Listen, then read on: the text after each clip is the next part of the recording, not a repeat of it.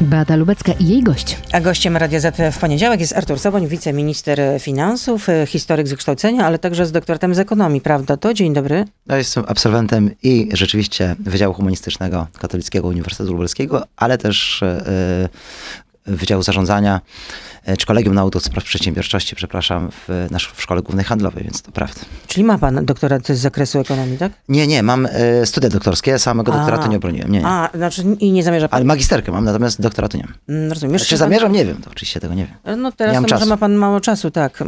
To jeszcze o tym porozmawiamy, natomiast na początek chciałam zapytać o tym, co się dzieje w Ukrainie. No i ukraińskie miasto Bucza pod Kijowem porównywany do Nowej Srebrenicy przez Ukraińców. E, zacytuję, co napisało ukraińskie e, Ministerstwo Obrony.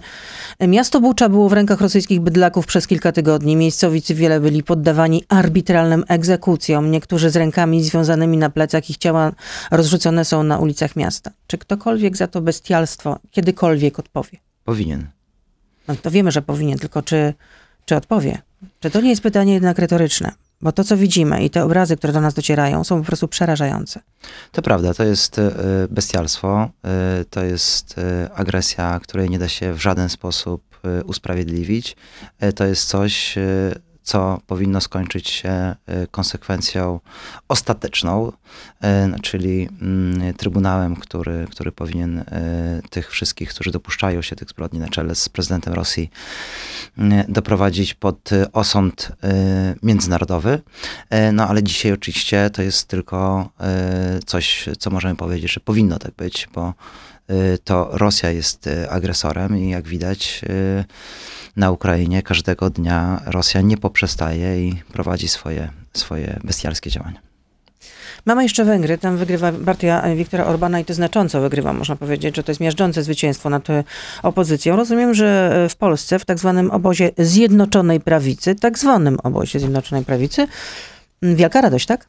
Ze zwycięstwa Orbana tak zwana wielka radość, e, bo wielka radość jest w obozie Zjednoczonej Prawicy wtedy, jak wygrywamy w Polsce. E, jeśli no wygrywa prawica w różnych państwach europejskich, to wielkiej radości nie ma, ale jest oczywiście satysfakcja. Jest satysfakcja, a nie, nie bulwersuje pana to, że jednak Węgrzy po raz kolejny zagłosowali na poplecznika Putina? Znaczy, jakby przyjmijmy takie założenie, że e, nie bulwersuje mnie, jeśli w demokratycznym e, państwie, jakie by ono nie było, e, jego mieszkańcy wybierają sobie jak chcą. Ja uważam w ogóle, że to jest standardem, że tylko, że media tam są podporządkowane Orbanowi. Ci, którzy decydują, mają prawo wybierać tak, jak uważają. Czyli pana to nie bulwersuje, taki wybór Węgrów. A czy pan już wie, ile zapłaci podatku za 2022 rok?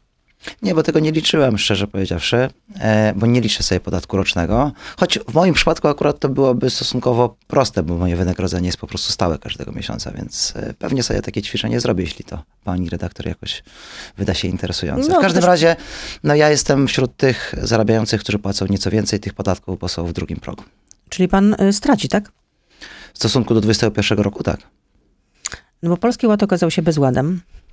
Teraz mamy, to się nazywa tarcza antyputinowska. Mm, są, jest korekta. To kto na tym straci? Pan na pewno straci. Kto jeszcze?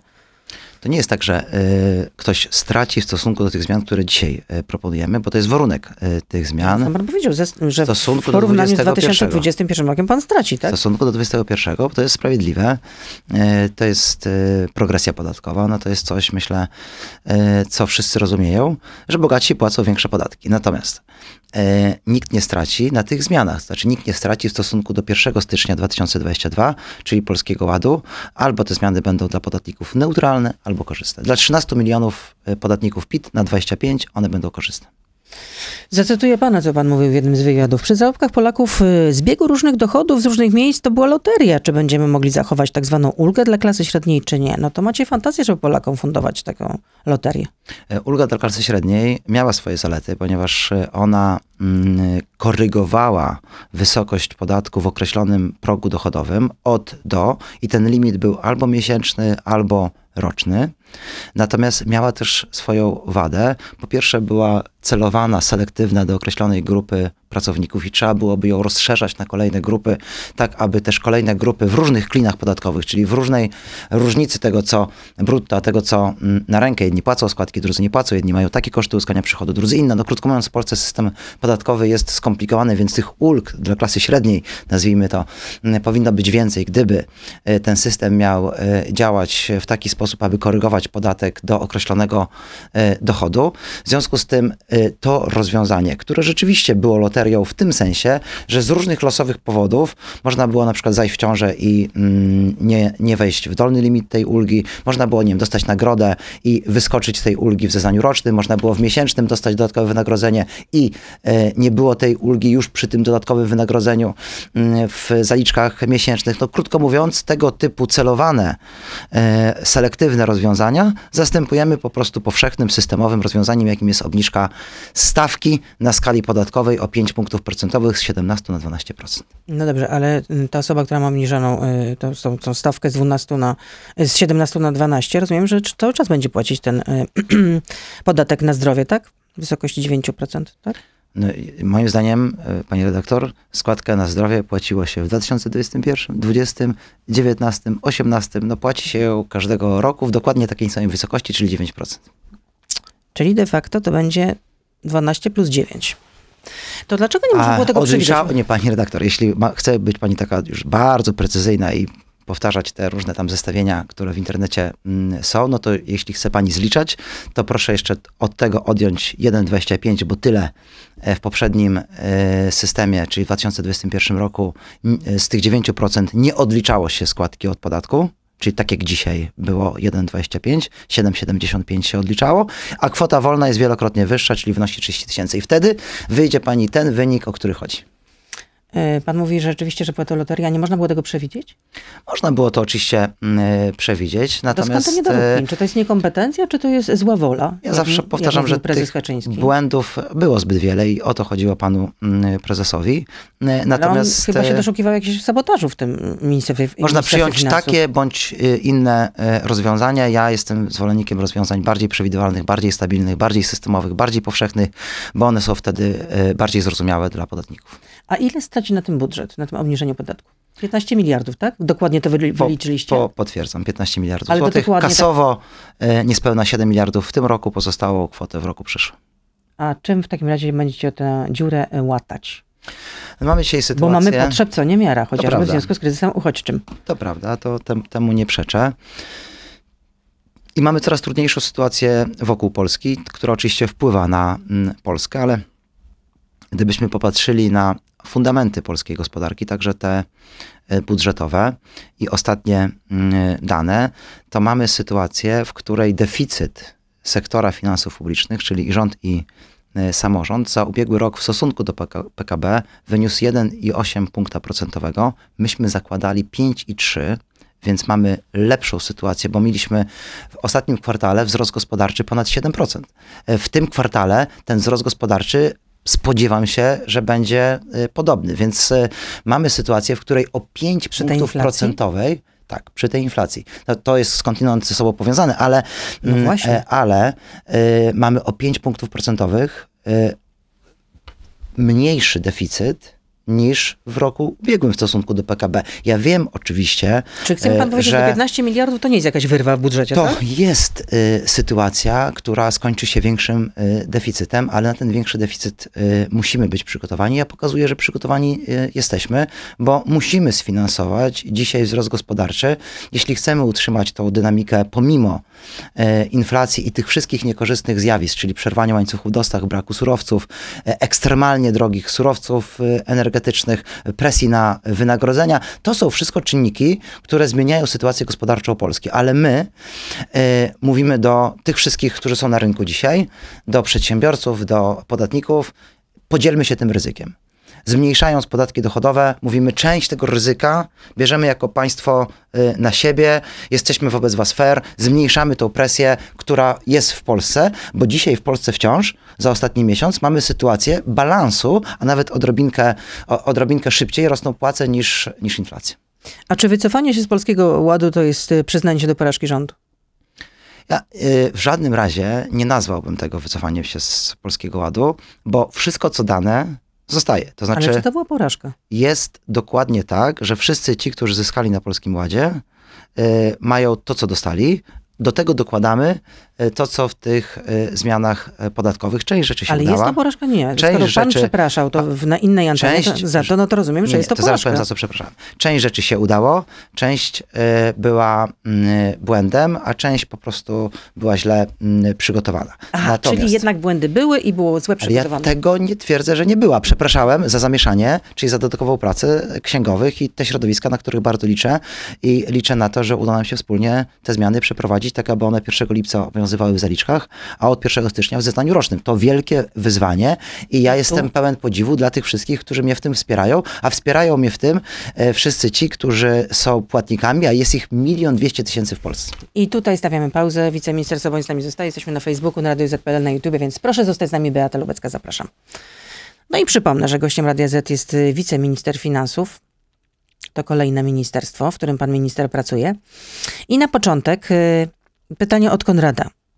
Czy nie jest tak, że Jarosław Go- Gowin wyrzucony został z rządu za krytykowanie dokładnie tych rozwiązań Polskiego Ładu, które pół roku później okazały się rzeczywistym blamarzem i pan właśnie zajmuje się obecnie ich naprawianiem? E, Mi się wydaje, że Jarosław e, Gowin e, od dłuższego momentu był e, trochę poza naszym obozem politycznym z różnych e, powodów. No Nie chcę dobrze, już ale miał rację, wracać nie do, miał racji, jak wracać krytykując do, Polski Ład? No e, miał. historii. No w jednych sprawach go krytykował, w innych składał propozycje. Z tego, co ja pamiętam, a szczerze powiedziawszy spytałem Jarosława Gowina, na ile on jest autorem tej tak zwanej ulgi dla klasy średniej. On się od tego odcinał. Różne historie słyszę, ja w tym nie uczestniczyłem. W każdym razie to nie jest tak, że jest w tej sprawie całkowicie, całkowicie poza i był wyłącznie krytykiem. E, Czyli pan chce przekonać, że w przyjąć takim razie Jarosław Gowin taką, popsuł, tak? Polski e, Ład, tak? historię, Proponując ulgę dla klasy e, średniej, taką tak? historię, to byłaby to historia alternatywna. No to był wspólny program całej Zjednoczonej Prawicy. Ale to czy tak mam rozumieć, że Jarosław Gowin pana zdaniem popsuł Polski Ład, proponując ulgę dla klasy średniej? Ja, tak jak powiedziałem, nie wiem na ile to jest jego udział, na ile nie, ale ulga dla klasy średniej jest tym, co budzi kontrowersje i co moim zdaniem nie zadziałało. A co zrobić u, z ulotkami, broszurkami reklamującymi Polski Ład tak intensywnie dostarczanymi do skrzynek pocztowych kilka miesięcy temu? Pyta. Przeczytać Mhm. I wyrzucić. e, i wyrzucić. Albo spalić. Można oczywiście utylizować. No to po co wydano tyle pieniędzy po prostu na materiały propagandowe, które nadają Do się teraz Polski- tylko do kosza? Nie, to nie jest tak, że się nadają tylko No do jak kosza. to nie? No sam pan powiedział przeczytać, wyrzucić. No ale z każdą ulotką tak się robi. No, ta się już do niczego wo- e, Jak wyjątkowo pani zachowuje ulotki sprzed kilku miesięcy, to oczywiście mm, to jest jakaś e, specyficzna sytuacja, bo normalnie ludzie je wyrzucają. Tylko, że tak, akurat na pewno do niczego się nie przyda. E, Jest natomiast- zdezaktualizowana. I tak i nie. E, Jest zdezaktualizowana w tym obszarze, w którym zmieniamy e, te przepisy podatkowe e, podatku PIT e, i dla przedsiębiorców, i dla mm, pracowników, ale tam, gdzie na przykład moja mama dostała 170 zł więcej emerytury dzięki wyższej kwocie wolnej, to dla niej, jeśli miałaby ochotę, ta ulotka jest wciąż w pełni wartościowa e, i może Rozumiem, sobie ją można sobie w, ram, zachować. w ramki można sobie W tym sensie, pani redaktor, że my już nie jesteśmy w stanie jej poprawić. To znaczy ona, niezależnie od zmiany y, stawki na skali, czy jakiejkolwiek, jakiegokolwiek innego parametru, no to ona już tą swoją korzyść otrzymała i ją ma. Więc Polski Ład dla niej y, jest czymś, co jest wciąż obowiązujące. A przedsiębiorcy będą mieli czas dłuższy niż mm, do 2 kwietnia, bo taki był termin, że mogą zgłaszać swoje poprawki, swoje zastrzeżenia.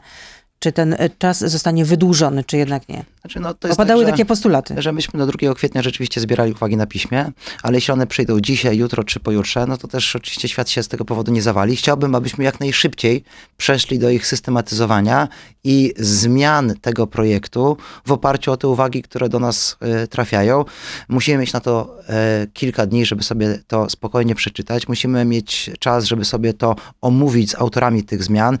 E, musimy też mieć czas, żeby skleić cały projekt, żeby nie było tam błędu, więc dla mnie oczywiście lepiej byłoby, e, aby zamknąć e, te konsultacje uwagami na piśmie no, do tego weekendu, no ale jestem pewny, że one będą przychodzić, zresztą wiem też to z rozmów na przykład z zaradcami podatkowymi, że one jeszcze będą przychodzić do nas przez kilka dni, więc no, spokojnie. Jak pan mówi, panie ministrze, że trzeba coś sklejać, to ja od razu, zapala mi się żółta lampka. Czy to znowu nie jest pisane na kolanie? No nie no, skleić w tym sensie, Nie, że nie, przewidzieć nie. skutki y, w innych No, y, poprzednio jakoś- ustawach i w innych przepisach, no bo to jest tak, że Twórcy nie byli w stanie przewidzieć, przewidzieć skutków. y, skutki przepisu działają nie tylko na tą konkretną ustawę w tym konkretnym artyku- artykule, ale też y, na, na inne przepisy, więc to trzeba No dobrze, ale ta sprawdzić. kolejna rewolucja to, to, to oznacza kolejne setki godzin dla księgowych, dla y, pracowników kadr, dla przedsiębiorców. No to znowu fundujecie taki koszmar Polakom.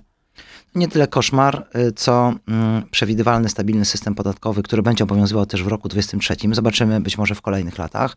E, Więc to jest z jednej strony, mm, myślę, coś, co powinno trochę uspokoić tych, którzy mają dodatkową pracę.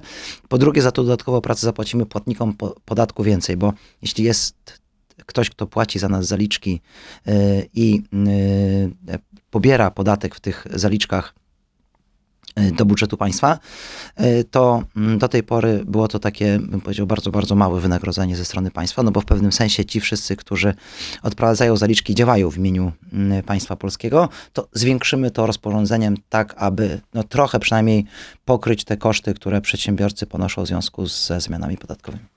A kiedy te zmiany w końcu wejdą w życie? No ja wiem, od 1 lipca, kiedy ta ustawa... Chciałbym, Y- aby weszły 1 lipca, ponieważ y, to by oznaczało, po pierwsze, że odczujemy już wtedy je w zaliczkach, po drugie, że y, tych osób, które w związku z dualnym systemem zaliczek, bo dzisiaj mamy i takie, i takie zaliczki, i polskoładowe, i te sprzed y, mm, 1 stycznia, czyli liczone w oparciu o y, system Poprzedni podatkowy system. z poprzedniego roku, mm, mogą być sytuacje na przykład nadmiernych dopłat bo i rolowania y, podatku, więc zależy mi na tym, żeby to weszło 1 lipca, a w zeznaniu rocznym A widzi pan 1 niebezpieczeństwo, że może nie wejść do 1 lipca? Naprawdę to jest krótki termin. To jest krótki termin. Ja jestem tutaj e, bardzo ostrożny e, i e, otwarty. Dzisiaj e, spotykam się na przykład z, po raz kolejny zresztą z dostawcami systemów informatycznych. No, bez e, oprogramowania e, to najlepsze prawo nie zadziała, więc e, jakby, czy ja się obawiam? Tak, obawiam się oczywiście. Natomiast bardzo bym chciał, żebyśmy się wszyscy w tym terminie wyrobili. A kiedy to już te zmienione przepisy trafią do Sejmu? Na koniec kwietnia, w ostatnim kwietniowym tygodniu. A inflacja w, przyszłym, w tym roku będzie na jakim poziomie? No, no bo na razie jest bardzo wysoka, prawie 11%. Dowiedzieliśmy się za marzec. Wszystko wskazuje na to, że e, na takim e, pozostanie w tym roku. No skąd ten optymizm? Przecież nawet Narodowy Bank Polski prognozuje, że w trzecim kwartale będzie powyżej 12%. No nie na takim, Chociaż akurat na- Narodowy Plan takim, Polski e, jest- Nie, przypomnę pani redaktor, pani własne pytanie. Czy taka wysoka inflacja mm, będzie w tym roku? No ja No będzie. powtarzam, że ona na takim poziomie wysokim w tym roku pozostanie. No, premier Glapiński, e, prezes Glapiński, przepraszam, e, typował de- deflację i długo nie chciał się jednak e, zgodzić, że należałoby powstrzymać wzrost inflacji i podwyższyć stopy Od dłuższego czasu słucham komunikatów, konferencji prasowych pana prezesa Narodowego Banku Polskiego i dość jednoznacznie mówi o konieczności restrykcyjnej polityki, podnoszenia stóp i mm, Teraz mądry, mądry Glapiński po polityki można monetarnej. powiedzieć. A, a to 600 tysięcy premii to się należało dla prezesa NBP? No ja oczywiście nie ustalam zasad wynagrodzenia prezesom Banku Centralnego, to jest kwestia niezależna od polityki rządu. No ale to pana nie bulwersuje? No przecież jednak prezes Glapiński się pomylił w swoich prognozach. I, znaczy, ja mam naprawdę własną kieszeń, ona mnie interesuje, nie patrzę. No ale na- 600 tysięcy, no to naprawdę jest kwota no, dla wielu absolutnie astronomiczna. No ale jest jeden prezes Banku Centralnego, o- od którego wiele e, w polskiej gospodarce zależy i też jest zrozumiałe, że jego wynagrodzenie jest adekwatne do odpowiedzialności.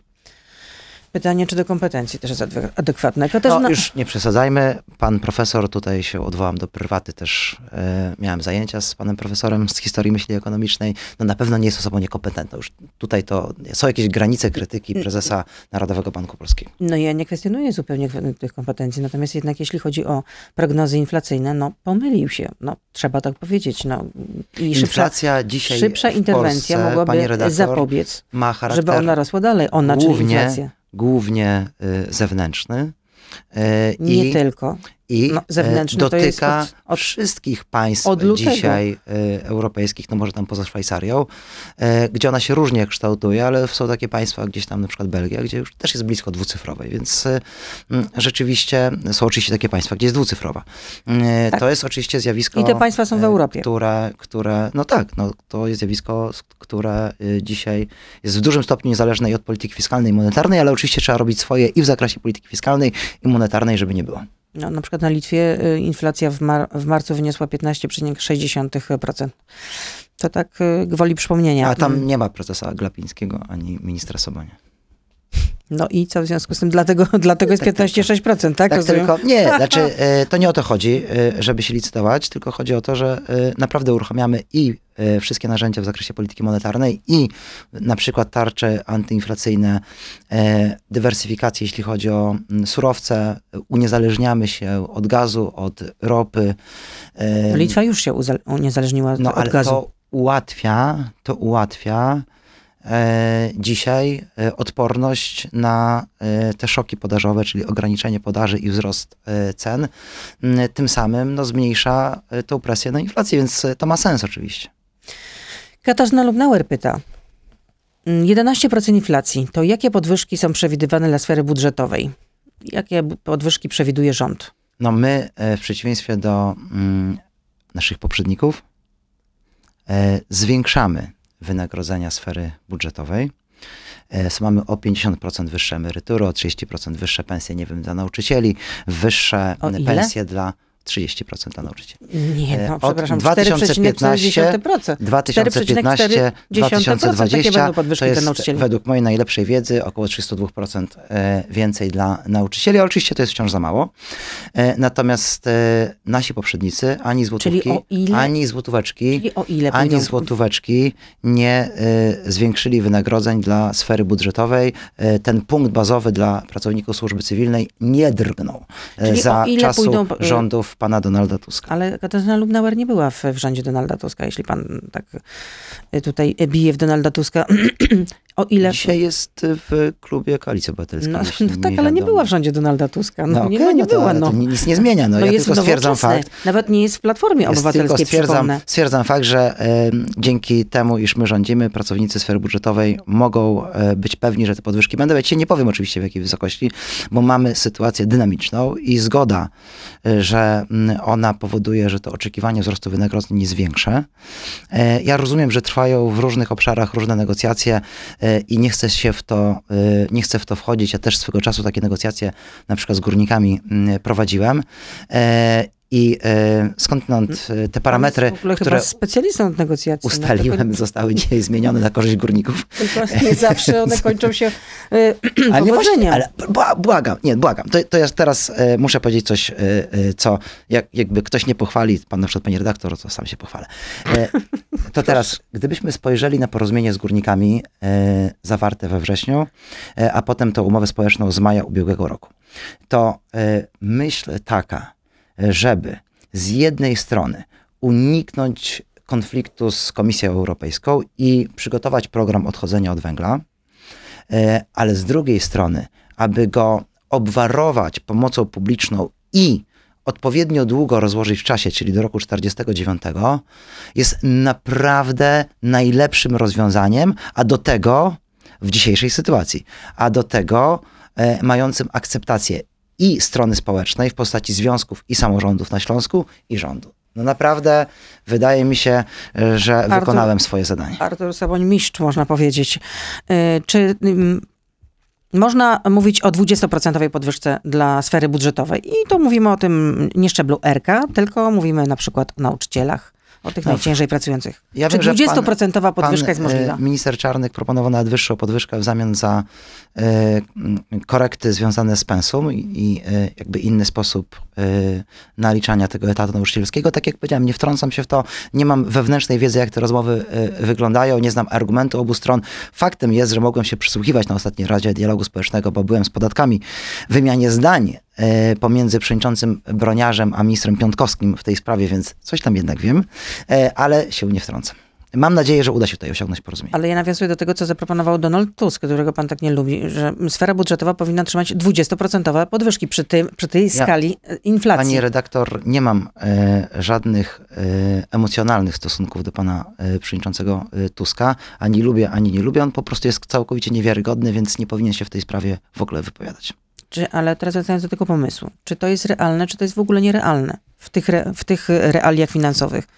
No nie no, naprawdę patrzmy e, na to, e, co wynika z e, dialogu społecznego, z kompromisu, a nie na to, co mówi Donald Tusk, bo to jest po prostu śmieszne. A kiedy poznamy nowego ministra finansów? Bo na razie mamy PO. finansów, finansów. jest pan premier. Tak? No tak, ale mamy PO. No to rozumiem, że pan e, premier ma i tak dużo na głowie. tak Radzimy sobie jakoś. Mhm. Czyli cały czas to w takim razie do końca kadencji będzie PO. A tego to ja nie wiem oczywiście. No ale rozumiem, że nikt się nie palił do tego, żeby przyjść do Ministerstwa Finansów i zostać e, szefem resortu. Tego też nie wiem. Jak to pan nie wie? Zupełnie pan, zwłaszcza po tym bałaganie, który został generalnie, jeśli chodzi o Polski Ład. Ja, nie, panie redaktor, ja naprawdę, mm, to nie jest mój poziom.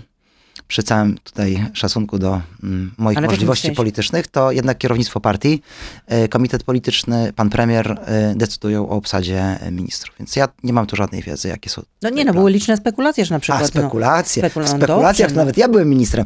Natomiast, i to zresztą w wielu resortach.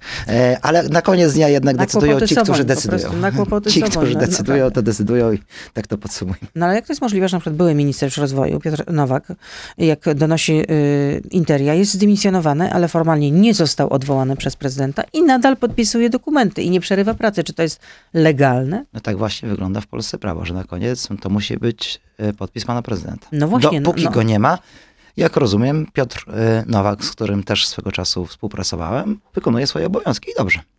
Rozumiem, że tam też nie ma y, jakoś specjalnie lasu rąk, kto miałby y, przejąć to ministerstwo.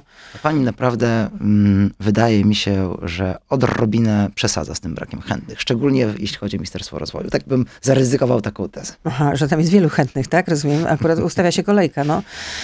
Y, Z informacji Interi wynika, że minister rozwoju stara się normalnie pracować, chce podejmować różne decyzje. Jeszcze w tym tygodniu próbował, czyli w, w ubiegłym, podsumować y, część dokumentów do podpisu swojemu zastępcy bezskutecznie. I można powiedzieć, że fabryka stoi. Tak słyszą dziennikarze Interi od ludzi, którzy pracują y, w Ministerstwie ja Rozwoju. nie chcę oceniać e, pracy Ministerstwa Rozwoju, bo nie mam oczywiście e, takiej wiedzy, aby dzisiaj powiedzieć, czy ministerstwo pracuje, czy nie, ale bodaj dzisiaj e, jestem umówiony w sprawie Fundacji Rodzinnej z ministrem Goleckim z Ministerstwa Rozwoju, gdzie mamy zupełnie merytoryczne, robocze spotkanie, więc e, mam wrażenie, że ministerstwo pracuje normalnie. To jeszcze zapytam o sondaż e, Ibris dla Radia Z, z którego wynika, że prawie co trzeci Polak popiera pomysł ułatwienia dostępu do broni palnej. Czy pan też by taki pomysł Tak. poparł?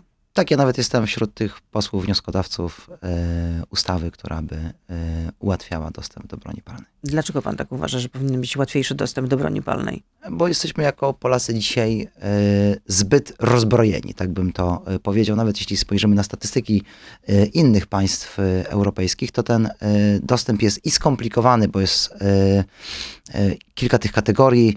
Ja tu nie jestem ekspertem, ale mm, o, ile, mm, o ile stosunkowo łatwo jest o broń myśliwską czy sportową, o tyle mm, bardziej już to jest skomplikowane, e, jeśli chodzi o to, żebyśmy tą broń e, mieli, mieli w swoich domach ostrzejszą.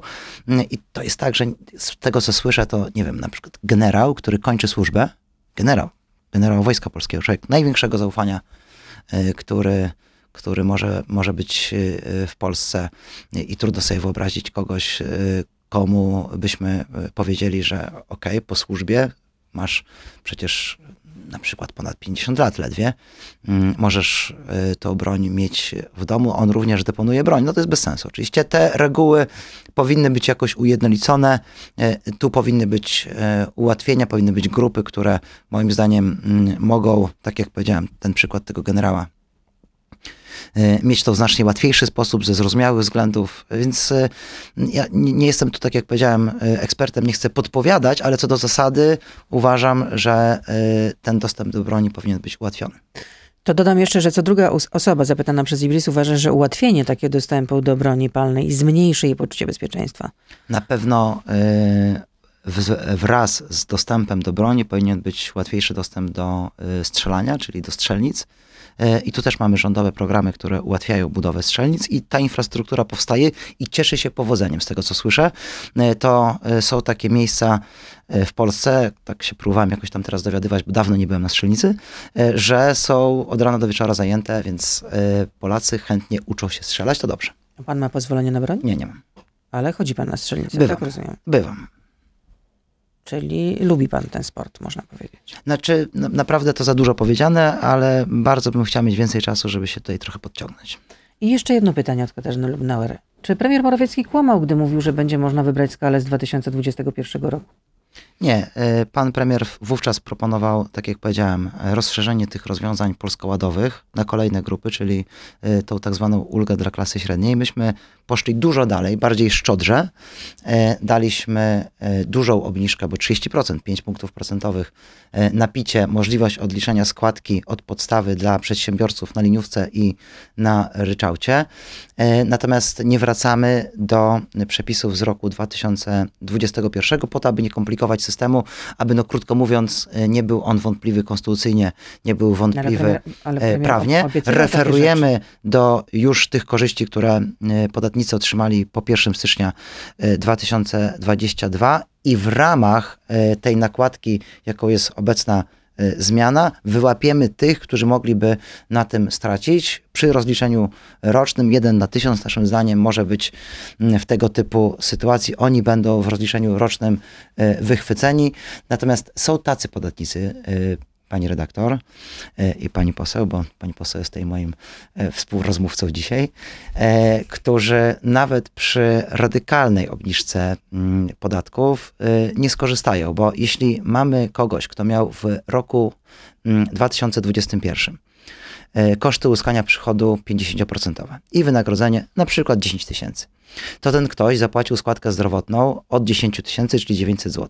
Ale odjął sobie potem od podatku 775 od podstawy 43 zł kwoty wolnej. Ale podatek 17% zapłacił od jakiej kwoty? Od 5 tysięcy, więc ten podatek wyniósł no 850 uzysk, tak. złotych. Odkładam składki społeczne, żeby nie komplikować, bo oczywiście składki społeczne ten ktoś zapłacił. No krótko mówiąc, ten ktoś miał naprawdę minimalny, minimalny podatek, więc tego typu sytuacje to mogą być sytuacje, w których to, co straci. dzisiaj e, proponujemy, nie będzie bardziej korzystne. Ale pan premier jednak obiecywał, mówił coś takiego. Jeszcze raz powtarzam, mamy dzisiaj kolejną e, obniżkę podatków, której nie planowaliśmy. Ona wynika z reakcji na sytuację zewnętrzną. To jest bardziej szczodre dla e, podatników, a jeśli mówimy w cudzysłowiu, że ktoś straci, to ten... Bardzo słusznie. Bardzo, bardzo często mnie ktoś tutaj, tutaj nie tylko pani poprawia i przyjmuje to w cudzysłowie. Nie, no bo taka prawda jest. No, takie małe jakoś tutaj przyzwyczajenie złe. E, w cudzysłowie. E, straci, to jest ten, który ma tak daleko idące preferencje w systemie podatkowym, że nie, po prostu nie możemy mu bardziej tych podatków obniżyć. E, Oskar pyta, czy do ustawy zostanie wpisany mechanizm waloryzacji kwoty wolnej oraz drugiego progu, progu podatkowego? Nie planujemy tego. Czy emeryci, którzy zawieszą emeryturę, emeryturę i będą pracować nadal od 1 stycznia 2023 roku, czy stracą prawo do zerowego PIT-u? To jest propozycja rzeczywiście ZUS-u, która w tym projekcie się pojawiła. Ona by obowiązywała od 1 stycznia 2023, czyli w tym roku to jest ok.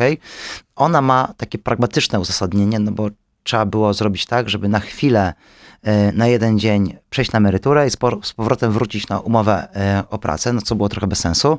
E, czy to jest rozwiązanie, które będzie niekorzystne dla części podatników? Będę jeszcze o tym rozmawiał z ZUS-em. Wiem, że ten temat pojawia się w konsultacjach również i w debacie publicznej. Ostatecznie po konsultacjach wypracujemy tutaj stanowisko. Rzeczywiście jest tak, jak pan tutaj powiedział, ale jednocześnie no, to, co powiedziałem, czyli pragmatyka, ten jeden dzień na emeryturę i z powrotem na umowę o pracę też jest bez sensu. Tomasz pyta, czy ciągłe drastyczne podnoszenie stóp procentowych to jedyna metoda walki z inflacją? Takie działanie bardzo mocno uderza w kredytobiorców, którzy zaciągnęli swoje zobowiązania wiele lat temu. E, jeśli chodzi o politykę monetarną, to jest główne narzędzie, natomiast jeśli chodzi o politykę fiskalną, mamy obniżkę podatku VAT, akcyzy na e, surowce. E, to hamuje inflację. Mamy wreszcie różnego rodzaju dodatki osłonowe, na przykład od niedawna dopłaty do nawozów, E, bo ceny żywności są jednym z motorów dzisiaj inflacji, więc e, są też narzędzia fiskalne. Jacek pyta. Czy może mi pan wyjaśnić, dlaczego VAT na e-booki jest wyższy niż na książki drukowane? Program wsparcia lasów państwowych? Nie. e, I e, być może tutaj e, po zmianie mm, dyrektywy będą większe możliwości, aby to ujednolicić, a nawet pójść w dół z pewnymi stawkami VAT, no ale to jest decyzja polityczna, natomiast pewne możliwości się pojawiają, bo trzeba pamiętać, że my tu działamy w oparciu o przepisy europejskie. Jacek też pyta, jak pan z wykształcenia historyk, jak to panu pomaga w pracy w Ministerstwie Finansów? No to oczywiście można o tych moich różnych wykształceniach e, e, sobie e, porozmawiać. Jakby moje doświadczenie mi raczej pomaga. Już jestem człowiekiem w pewnym wieku i ze sporym doświadczeniem w administracji samorządowym, samorządowej i rządowej, jak to już tutaj zostało podkreślone. Więc doświadczenie zwykle pomaga. Dlaczego jak sprzedaję pietruszkę z własnego pola, to zapłacę niższe podatki, bo nieopodatkowana sprzedaż dla rolników to około 100 zł, a jak sprzedaję tę samą pietruszkę w sklepie internetowym, to zapłacę podatki wyższe, bo to jest działalność gospodarcza. No jeśli to jest działalność gospodarcza, no to są podatki. Mam zwolnić działalność gospodarczą z podatku? Znaczy dzisiaj handel w internecie jest takim samym handlem jak jakikolwiek inny handel i e, generuje e, coraz większy udział generalnie w sprzedaży detalicznej. E, Pani minister Semeniuk przyznała, że nie czytała Polskiego Ładu od deski do deski, więc może pan wiceminister czytał. E, No mamy tutaj e, kilka, kilka opcji, co nazywamy czytaniem Polskiego Ładu od deski do deski. No od pierwszej strony do Nie, ostatniej. nie, ale zaraz. Plus tam jeszcze różne Zaraz, dodatki. Zaraz, właśnie. Nie, bo teraz jest pytanie, czy mówimy o programie Polski Ład, który jest rządowym programem, e, który rzeczywiście e, zawiera w sobie różnego rodzaju analizy i wnioski w postaci na przykład zmian, które dotyczą podatków, które dotyczą, nie wiem, prawa budowlanego, które dotyczą e, rodzinnego kapitału opiekuńczego, które dotyczą e, inwestycji publicznych i środków uruchamianych na przykład przez Bank Gospodarstwa Krajowego. No, krótko mówiąc, które dotyczą nie wiem, służby zdrowia, różnych obszarów życia i to oczywiście czytałem. A jeśli mnie pani chce spytać, czy czytałem wszystkie zmiany ustaw, które są konsekwencją Polskiego Ładu, to oczywiście nie. A ile stron ma Polski Ład? Pyta słuchacz. Ale który? No nie wiem, chyba ten, który pan Podatkowy, przeczytał. podatkowy e, ma 10 razy tyle, co moja propozycja zmian, e, bo ma około 300, a e, ja dałem ledwie 30 do przeczytania. Czyli pan przygotował 30 stron. Tak? Trochę czekaliśmy na te 30 stron. Znaczy, ja przepraszam, e, dokładnie dwa miesiące, jeśli o mnie chodzi. Ale, No okej. tak, ale to miało być w trybie gala, przynajmniej tak, tak nas y, y, no, zapewniano. Mm, Tak również no, za- zapewniali nas politycy Prawa i jeśli, Sprawiedliwości. e, ja słyszę mm, w tej samej e, wypowiedzi, że coś jest za szybko i trudno uniknąć błędów, a potem, że coś jest e, trochę jednak za wolno, a trwało dwa miesiące, to Ale, nie przyjmuję e, tej nie. krytyki. No, takie były zapewnienia ze strony rządu, więc dla niej się powołuje. Michał jeszcze pyta. Jest pan posłem oraz wiceministrem, czyli jest pan częścią władzy ustawodawczej i wykonawczej. To czy trójpodział władzy jest dla pana ważny? Jest e, i e, dostrzegam e, to, ten, tak mamy skonstruowaną konstytucję, że można łączyć tą władzę ustawodawczą z wykonawczą, czyli być posłem i być w rządzie. Ma to swoje plusy i minusy. I dostrzegam oczywiście również zalety no, takiego rygorystycznego rozdzielenia władzy wykonawczej od ustawodawczej. Przyjmuję to, że, że tak mogłoby być. Są tego też e, dobre strony. Dziękuję za rozmowę. Bardzo Artur dziękuję Soboń, wiceminister finansów był z nami. E, Człowiek, który nie wie, ile, ile zapłaci podatków A pani wie, ale pani 2022. redaktor, a pani wie, czy ktoś się zastanawia w lutym, w marcu, czy teraz jest kwiecień, przepraszam, e, w kwietniu, e, jest- że zapłaci, ile zapłaci 31 grudnia podatku? No naprawdę e, czynić mi zarzut, że ja sobie nie policzyłem podatku na przyszłość. Ja wiem, ile zapłacę za 2021. No każdy się rozlicza raczej do tyłu niż do przodu, no bez sensu. Dobrze, a w 2022 roku będzie, e, czy również rozliczy mnie Ministerstwo Finansów za rok 2022? Tak, tak, Tak? tak, tak. Będzie funkcjonował EPIT oczywiście. Dobrego dnia życzę. Dziękuję.